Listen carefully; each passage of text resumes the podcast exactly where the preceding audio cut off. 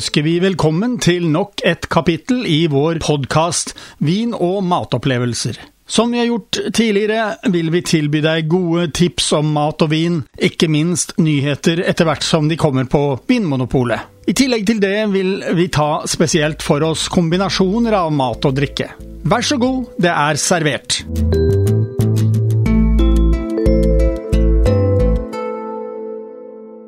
Ja, Jan Egil, da er vi i gang igjen. Det er jo et faktum at uh, nå i disse dager så kommer det en rekke nye viner på polet. Noen er nye årganger, men vi har konsentrert oss om uh, nyhetene.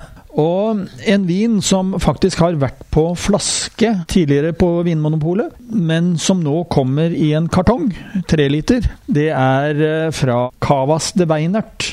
Og vinen heter Pedro del Castillo eh, 2020. Eh, hvordan opplevde du den? Du, dette var jo en eh, argentiner som var eh, litt mindre tøff enn det vi vanligvis forbinder med argentinske røde viner. Malbec, som er nasjonaldruen på mange måter, jo, gir jo veldig røffe viner, som ofte brukes da til grilling, til kjøttretter osv. Den er litt snillere, men veldig drikkevennlig, syns jeg. Det tror jeg eh, kommer av at eh, hovedandelen av druer er eh, denne Bonarda, som jeg har litt erfaring med og opplever ikke som så veldig tøff. Nei, det, det er nok det. Det er bare en tredjedel snaut med, med Malbec i denne. Og det gjør nok at denne vinen egner seg for et litt sånn bredere publikum og bred anvendelse. Den kan nok brukes litt mer sånn, holdt jeg på å si, som en gjennomsnittlig rødvin i forhold til ulik mat. Behøver å, den behøver ikke å følge eh, kraftig rødt kjøtt, f.eks., på samme måten. Så eh, behagelig vin, og kanskje det aller mest behagelige med akkurat denne argentinske bag-in-box-vinen, er jo prisen. Den, eh, det heter at den, den koster på polet 399,90, altså med andre ord 400 kroner. Og i en treliters bag-in-box så går det da altså fire, vine, fire, vanlige vinflasker. Og det betyr at denne vinen da koster, koster akkurat 100 kroner per flaske.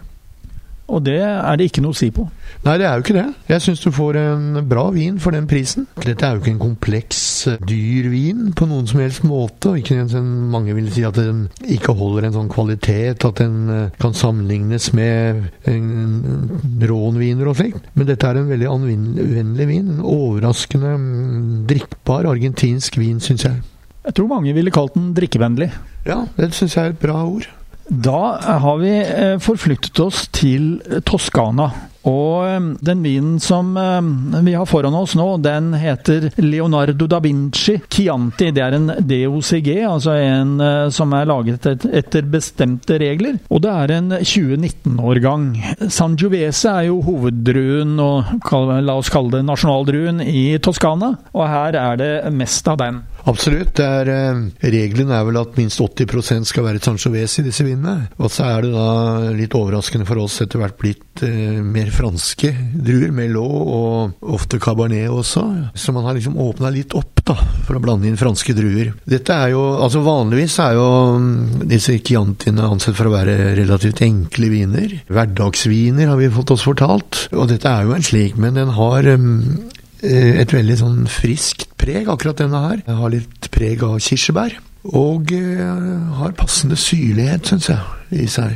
Her er det heller ikke noe å si på prisen. da. Vi snakker om 120 kroner for en eh, flaske, og det er ikke mye i Norge i dag. Så her er det en vin som absolutt uh, tåler sammenligning med mye annet. Men ikke en vin for de store høytidene, holdt jeg på å si, for de store anledningene. Men en vin for uh, alminnelig akkompagnement til hverdagsmat.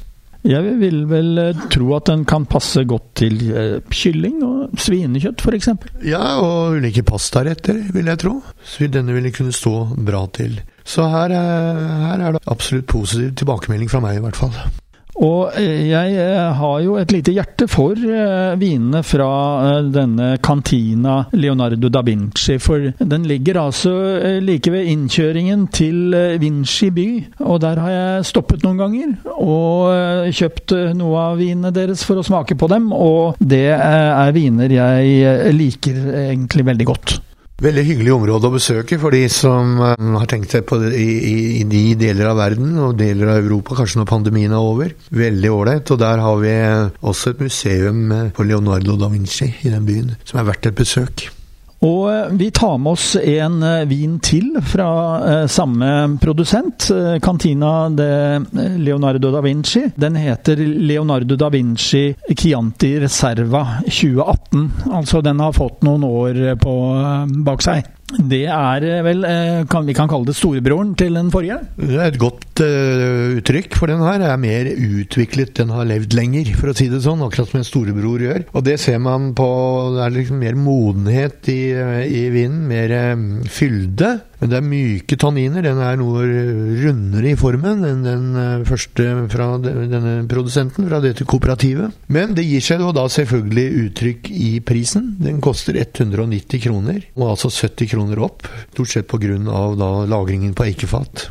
Men her får du altså en Du får mer vin for pengene. Den kan brukes til en litt kraftigere kjøttrett, vil jeg tro. Ja, dette er, dette er mer en sånn søndagsmiddagvin, vil jeg kalle det. Da har vi forflyttet oss til Frankrike og Bourgogne. Det er en vin som heter eh, Momessin eh, Morgon eh, Gras Cra 2016. Der er faktisk enda et eh, år mer lagring.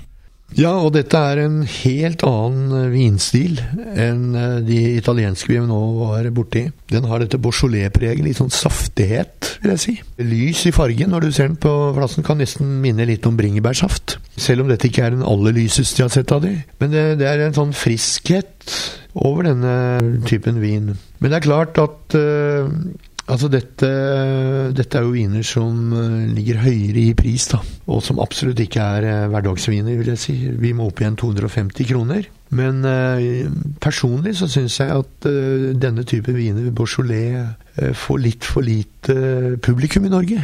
Jeg syns det har mye for seg, men jeg tror er litt, de er litt uvante for oss i forhold til det vi er vant til å drikke. Det er jo en druesammensetning her på 100 gamé-drue. Og eh, min oppfatning av eh, gamé-druen er at eh, når de er unge, så er de litt sånn saftige og syltetøypreget i duft og smak. Og denne er helt utypisk det. Nemlig at den mangler det, men er en vellagret vin. Og det kommer nok av lagringen, vil jeg tro. Jeg vil si det er en flott vin. Ja, den har levd nå i fem år, da. 2016 16-modell. Og eh, jeg er helt enig i det med det syltetøyet du nevner. Det er ikke dette syltetøypreget som noen ganger blir for framtredende i den type viner. Men den har en, eh, den, den friskheten i seg som, eh, som, mange verdsetter, da. Men som jeg syns kanskje flere i Norge burde prøve litt av.